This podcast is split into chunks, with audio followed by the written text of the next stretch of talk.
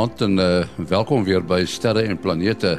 Ons het vanaand vir Kobus Olkers in Florida, Amerika wat saam gaan gesels en ook vir Willie Koorts van die SAAO.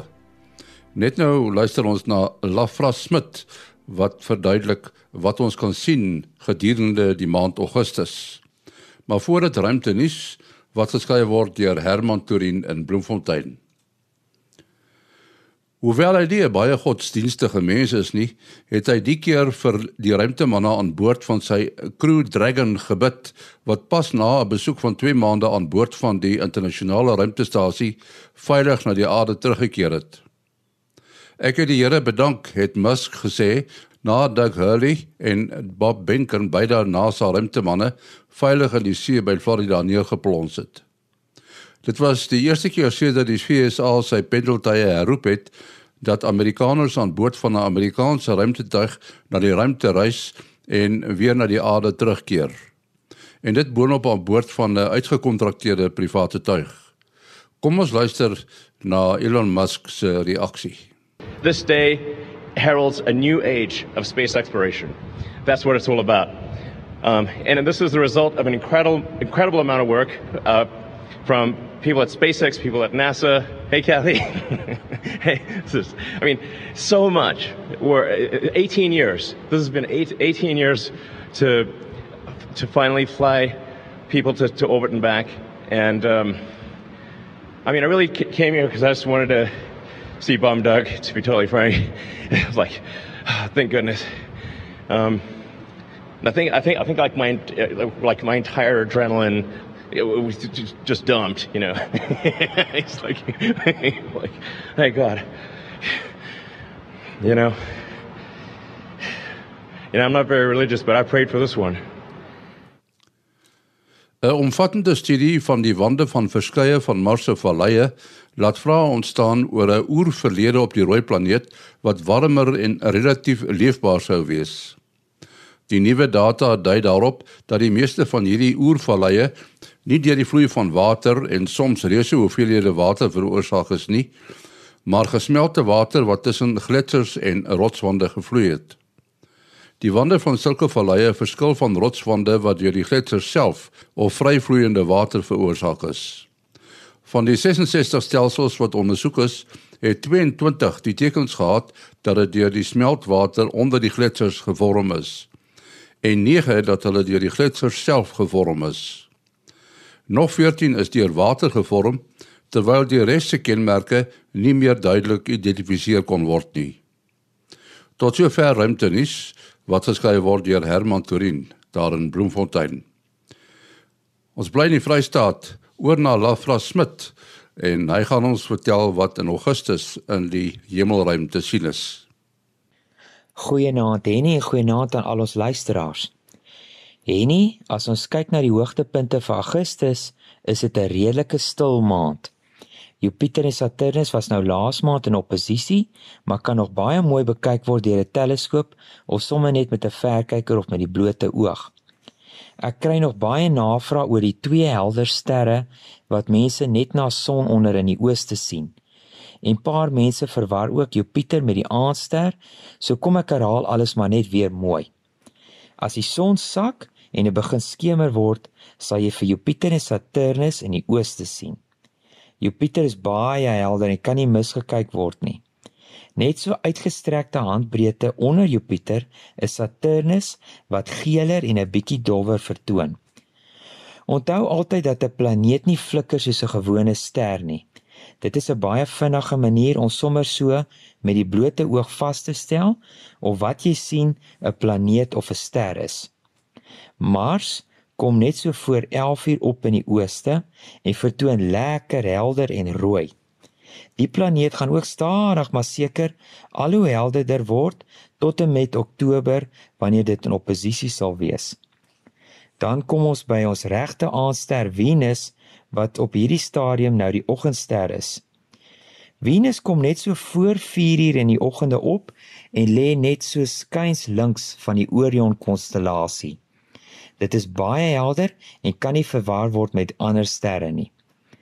Nou, soos genoem is Venus die enigste oggend- of aandster en kan net een van die twee op 'n slag wees.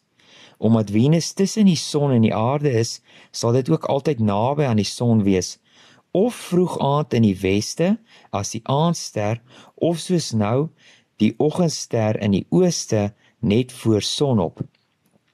Mercurius is tans te naby aan die son om gesien te word. Dan laastens die komeet Neowise wat so skouspelagtig vertoon het vir die mense in die noordelike halfrond, het ongelukkig aansienlik verdof en kan met 'n verkyker en 'n of 'n teleskoop gesoek word in die noordweste net na sononder. Nou ja, dit is my storie vir die maand. Tot 'n volgende keer. Lekker opkyk almal. Baie dankie Lafras. Nou ons uh, kry gereeld briewe en so aan een daarvan is uh die vraag oor die ouderdom van die son en uh ek dink voor jy daaroor praat uh, Kobus net so ietsie oor die son weer. Goed, hierdie week het ons 'n baie interessante son omdat dit tyd vir vir hierdie laagtepunt in die in die uh, son siklus. Baie interessant. Uh ek sien sommer drie baie groot magnetiese areas. Uh, gelukkig is hulle nie baie kompleks nie die ene wat op hierdie stadium nou omtrent geo-effektief is, is uitgesprei oor oor 'n lengte van waarskynlik so omtrent uh ek sou sê 25 aarddeursnitte. Baie baie baie groot area. Ehm um, en hy is dan natuurlik saam met sy twee mede uh sy makkers wat nou saam met ons hier opkom. Uh hy hierdie een is no, nommer AR2768 en die ander een naam is 69 en 170. Uh en al drie van hulle is nuwe son nuwe son siklus vlekke. Ander woorde, hulle magnetiese areas is so georiënteer dat ons hulle kan identifiseer as uh deel van die nuwe nuwe siklus wat nou moet begin in 'n of ander tyd. Uh nommer 2 en 3 van hulle is is uh lyk nog asof hulle kan kompleksiteit ontwikkel en ons sal net nou daaroor gesels as ons oor die solar orbiter ruimtetuig gesels hierdie drie areas net uh, wat wat so mooi kompleks is, uh, is mooi en ry agter mekaar op die die son se uh, is 'n noord noordelike halfrond. Veroorsaak natuurlik 'n pragtige beeld op magnetiese op die magnetiese beelde. En ons kan ook sien dat die die voorloper is baie uh is baie sterk en kragtig. Maar gelukkig is hy nie kompleks nie. Hy sal nie vir ons enige sonvlekke gee nie. Die twee agter hom het nog 'n kans om te ontwikkel. Ek gee hom omtrent so 30% kans om te ontwikkel na 'n C-klas fakkel toe. Met ander woorde, dit kan begin radio radio ontvangs op die aarde begin steur, maar dit is nog nie so sterk dat dit sal uh GPS of die internet uh, of selfs kraglyne beïnvloed nie. Dan daarbey het ons in die suidelike halfrond 'n baie groot, baie lang filament. Hy is seker die kwart van die son se lengte en hy het 'n punt daar ergens in sy middel wat vir my so eintlik meer na 2/3 van vooraf wat vir my lyk asof hy dalk kan loskom. Ehm uh, so ons kan dalk 'n bietjie 'n fakkeltjie van hom verwag. Ek sou sê die kans daarvoor is omtrent so ook so hier by die 30% rond. Dan ons uh, ons koronagate het ons res van verlede Woensdag af al 'n koronagat wat wat werk aan aan die aarde se se magneetveld en uh, ons langafstand radiogebruikers weet nou al reeds baie goed daarvan en ek dink hy sal seker teen Woensdag se koers afgetraai wees van die son af. As nog eenetjie wat op pad is, is dit net so op die stereo ruimtetuig se ruimtetuig is uh, se beelde kyk en ek dink hulle gaan ons waarskynlik eers 'n bietjie later in die die week uh, benader. So wat die son aktiwiteit ruimte weer aan betref, het ons 'n interessante week en uh, ek het simpatie met ons amateur radiogebruikers. ja, uh Willie en ek dink Kobus jy ook, uh, jy het seker gekyk hoe die dragon neerplons in uh die see, né? Willie? Ja, lekker lekker gekyk daarso. Dit was 'n uh, 'n uh, uh, lekker lang uitgerekte dekking geweest. Uh wonderlik hoe hulle uiteindelik die uh, van die skippe wat dit wat hulle sou kan oppik hulle uiteindelik opgetel het met die uh met 'n dit moet 'n taamlike zoom kamera daai wees. Eerste die hoëspoed hoëspoed valskerms wat uitkom uh, om bietjie van sy spoed af te bring en dan die laarspoed of die wat hom nou jy vier groot is hulle in die see land en dan hoe hulle gaan oppik en dan weer interessant wat hulle gedoen het met die opstyg ook hoe hulle daardie areas waar moontlik um brandstof kon vasgevang word uh eers alles mooi skoonblaas totdat hulle tot dit veilig is om oop te maak. Ja, so 'n ongelooflike klomp veiligheid wat deesdae ingebou is in in hierdie in hierdie sendings uh geen geen kanse word gevat nie. Ek weet nie of julle nuus daaronder in Suid-Afrika gekry het nie, maar daar was terselfdertyd 'n redelike groot orkaan hier in die ooskus van uh ja, van Florida op pad. En dis eintlik baie oorspronklik sou ons land as ek dit reg het en hulle toe die landings nou maar aan die ander kant van Florida toe verander. Dit is mos nou orkaanseisoen hier en hulle is baie gelukkig geweest dat daar nie ook 'n uh, tipe van aktiwiteit in die Golf van Mexiko was nie. Ja, ja, ons het ook 'n brief gekry van George David. Hy het 'n vraag oor die ouderdom van die son. Kobus? Ja. Ja, dit is 'n dis 'n baie interessante vraag. Hoe kan 'n mens nou eintlik na hierdie son kyk en sê hoe oud is hy? Die mense het al baie in die, die verlede in die allerlei mites uitgevind oor die son dat dit nou ra en al die soort van manne betrek het. Maar wat dit was eers in die hier in die van die na die laat 60s vir die mense begin ernstig kyk daarna. En die son kan natuurlik nie direk jy kan nie 'n kalender gaan opsoek en sê hierdie son het hier begin nie. So wat die mense maar doen is is, is ons kyk na proksies na na ander goed wat saam met die son moes gebeur het die eerste ding waarna mense kyk is die die standaard sonmodel of die standaard stermodel is redelik goed verfyn al.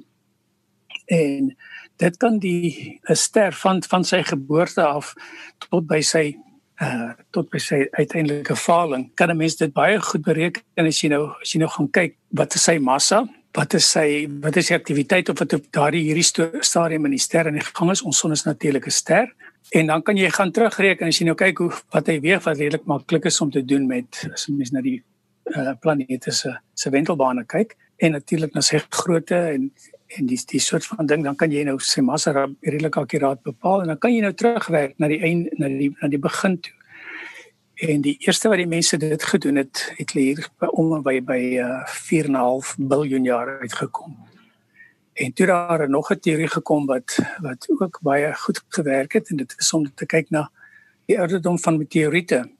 Uh die teorie was dat die son en die en die res van die van die sonnestelsel uh, gelyktydig gevorm is met ander woorde die ouderdom as jy na die radioaktiewe metings kyk moet min of meer dieselfde wees en dit het toe ook nou baie naby aan die 4.7 miljard jaar uitgekom. En daar was nog twee ander wat 'n bietjie effens effens te kompleks is um, om op die lig te verduidelik. Wat dit ook gedoen het en al vier die proksies, die verskillende modelle gee vir ons dieselfde ouderdom van hier om by die 4.77 miljard jaar. En as ons nou gaan kyk na die fase wat ons son in is en ons kyk na ander sterre wat ons met ons uh, apparaat kan waarneem wat wat wil hulle so mooi doen. Ehm um, dan kan 'n mens sien in watter fase van van sy lewenstyd hy is en dan weet jy presies waar trek ons nou uh met die dinge die, die ek moet sê die die uh, die model wat ons gebruik is is is baie baie baie akkuraat. Ehm um, hy het onder andere die die klein partikels wat in die in die son ontstaan en die kern van die son ontstaan het hy voorspel voordat dit ontdek is. Ek dink ons kan met redelike vertroue sê dat ons ons het 'n baie goeie idee wat die son uh, se ouderdom is. Ja, en terwyl jy nou uh, oor die son praat, uh, ons het so ruk gelede gepraat oor die Parker uh, tuig wat uh, op pad na die son is. Uh, jy verwys gedurig na die SDO. Wat is die verskil tussen die twee tuie? Die SDO, die Solar Dynamics Observatory, is 'n produksieplatform kan jy maar sê. Hy kyk in hy hy sit uh, in 'n in 'n in 'n baie lang elliptiese baan rondom die aarde en hy hou heeltyd sy sy teleskope op die son. En om nou net 'n idee te gee, ek sal nou vinnig kyk. Hy kyk na die son in wat is dit 1 2 3 4 nege verskillende ekstraalgolflengtes en hy kyk na die magnetiese uh, eienskappe en hy kyk met 'n dopprogram na die son. So hy is die ouetjie wat vir ons dag tot dag sê wat ons uh, wat ons help om presies waar te neem wat aan die gang is uh, op die son self. En ek gebruik dit met my om my voorspellings te doen voor ons die SDO gehad het, die Solar Dynamics Observatory, het ons die Helios styg gehad en ons het die ag wat is tog die ander ouetjie se naam nou? Ek kan nou nie onthou nie. Hy het gesit daar 'n miljoen kilometer hier van die aarde af op die op die eerste Lagrange-punt tussen die uh, aarde en die in die son. Is dit nie is dit nie sou hou nie? So, dis net presies hy Solar and Heliospheric Observatory. Dis net presies hy daai dankie en nie. Hy het vir ons ook dieselfde tipe van goed gegee. SDO was nou net 'n baie beter kwaliteit eh, sensors opgehad, maar beide van hulle was soos ek gesê het produksieplatforms. Hulle sit op een plek, hulle kyk na die son en hulle is vir ons mense wat wat verstaan wat op die son aangaan om dan te verduidelik en en voorspellings te maak soos wat ons elke week hier doen.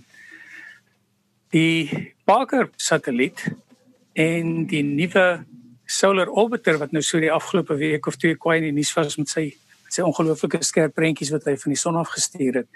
Hulle is twee navorsingssatelliete. Die doel van die Parker satelliet is om fyn metings te gaan neem binne in die korona van die son.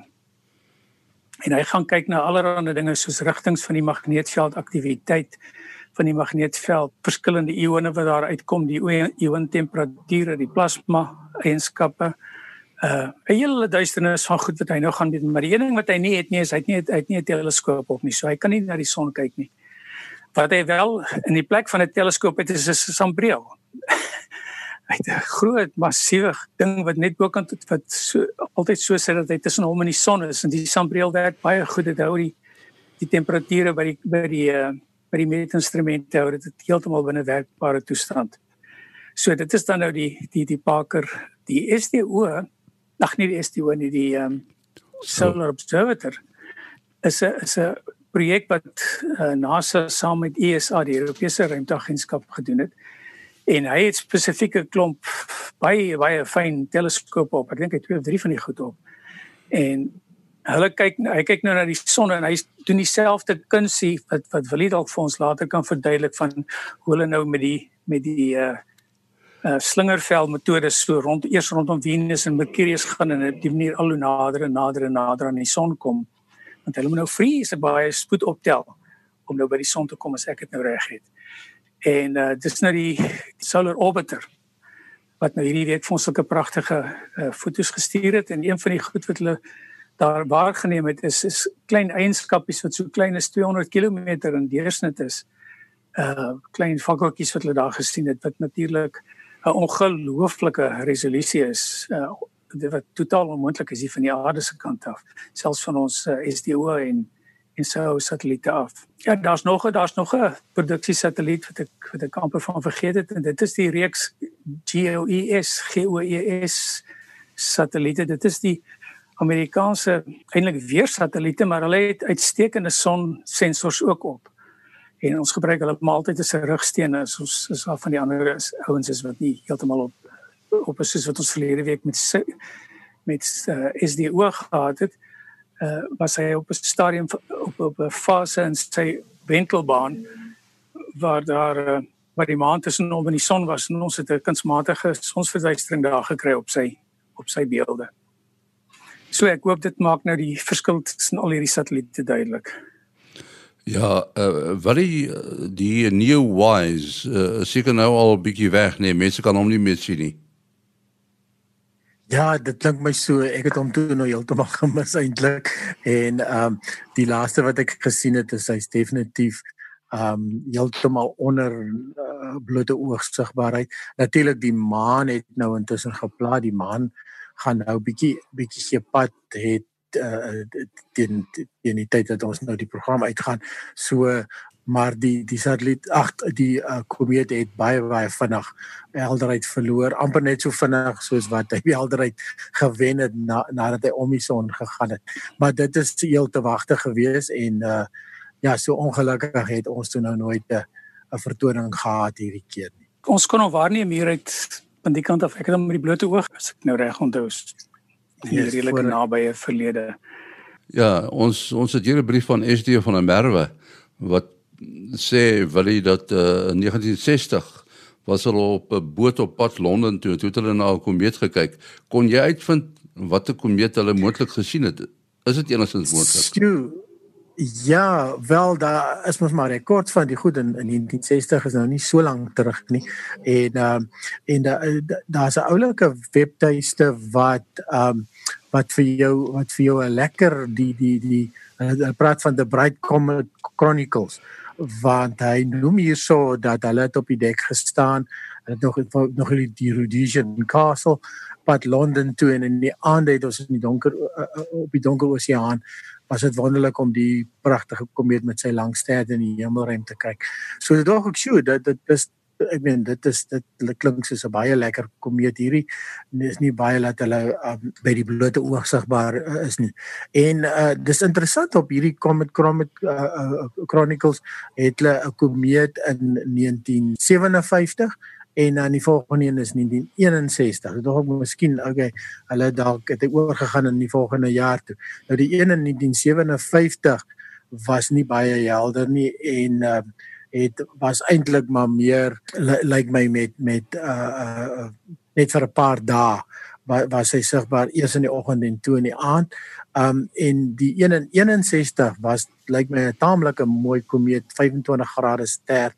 Um en en uh, maar ongelukkig was dit 'n 'n oggendvoorwerp en dit was ook dit was hierso by Junie Julie wat hulle uh, in 1961 in 1960 was so dis 'n jaar later en en ek dink mense sal nog al 'n dis dit dat sommer dat hulle die datum sou verkeerd hê nie. Ehm um, maar hierdie een was meestal in die oggend sigbaar. So ja, ongelukkig het ek nou nie vir hom 'n antwoord nie. Ek het gedog dit behoort dan nou nie so moeilik te wees nie. So uh as ek as ek dalk op iets afkom dan dan sal ek weer laat weet. Kobus hier's 'n briefie van Johan van Wyk. Uh hy sê hy en sy vrou was daar in die noorde noordelike halfrond om die noorderligte te gaan besigtig daar by Trimsou. Maar hy sê hy was teleurgestel. Hoekom sou dit wees? Ja, kyk, die uh, hy het nou nie presies gesê watter watter tyd hulle gegaan het as ek reg onthou nie. Maar dit was in die redelike uh, onlangse verlede. En natuurlik soos ons nou weet, is die son nou op sy flouste op hierdie stadium. En ehm uh, wanneer mense hierdie ongelooflike komete wil sien is van pas so so 'n paar weke gelede het ons 'n M-klas fakkel gekry het van die son op heel onverwags.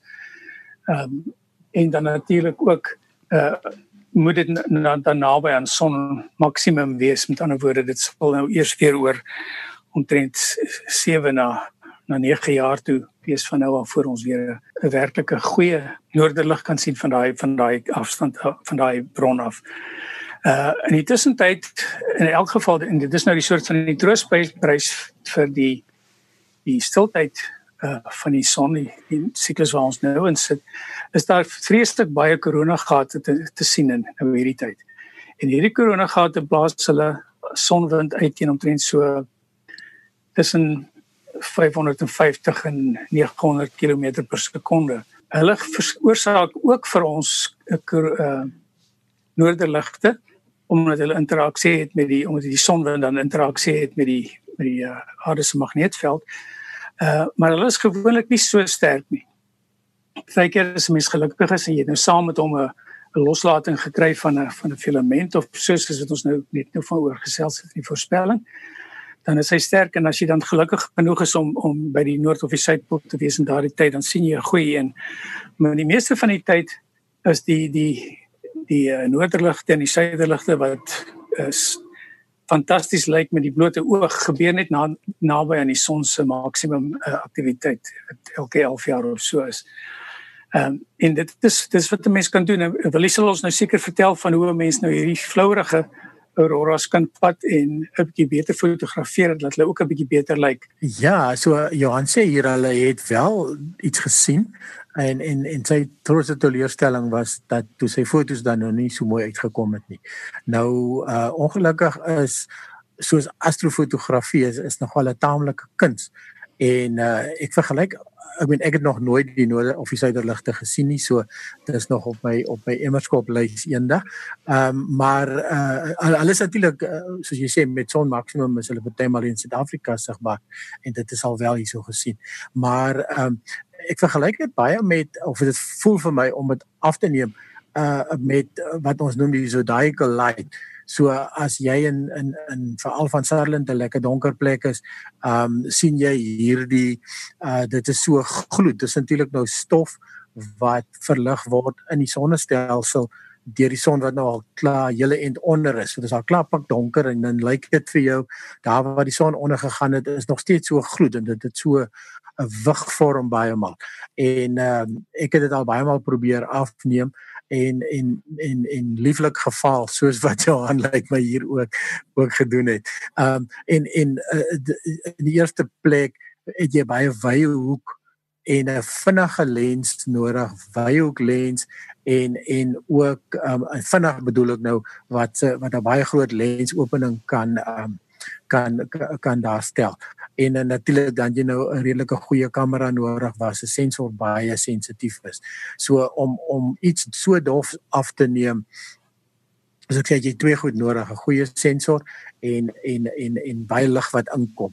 En en daai tipe lense is nogal taamlik duur. Ek weet nou ja nou nie gesê wat se toerusting hy gebruik het nie. Uh die die die ander probleem van die Aurora is dat hy goed beweeg en en dan kry jy hierdie silky water effek wat jy amper kry as jy lang beligting doen van 'n waterval of of 'n water wat vloei. Um en dan dan begin die begin dit dit uit te uit te so glad te raak. Um en dan sien jy nie want jou oog sien natuurlik uh, oombliklik maar as jy dit verlang belig dan kry jy dan 'n smering van die van die van die lig wat wel daar was. So ja, ek sou sê as as 'n mens dit wil suksesvol af afneem, probeer uh, voor die tyd met astrofotografie probeer um probeer die melkweg afneem en sulke klas van goed wat wat nogal nie te maklik is nie.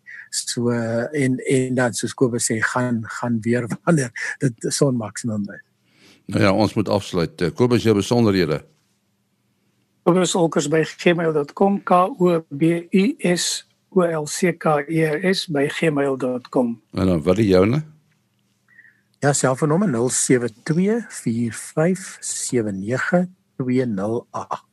0724579208. En ons program e-pos is sterreplanete by gmail.com. sterreplanete by gmail.com. Tot volgende week. Mooi loop.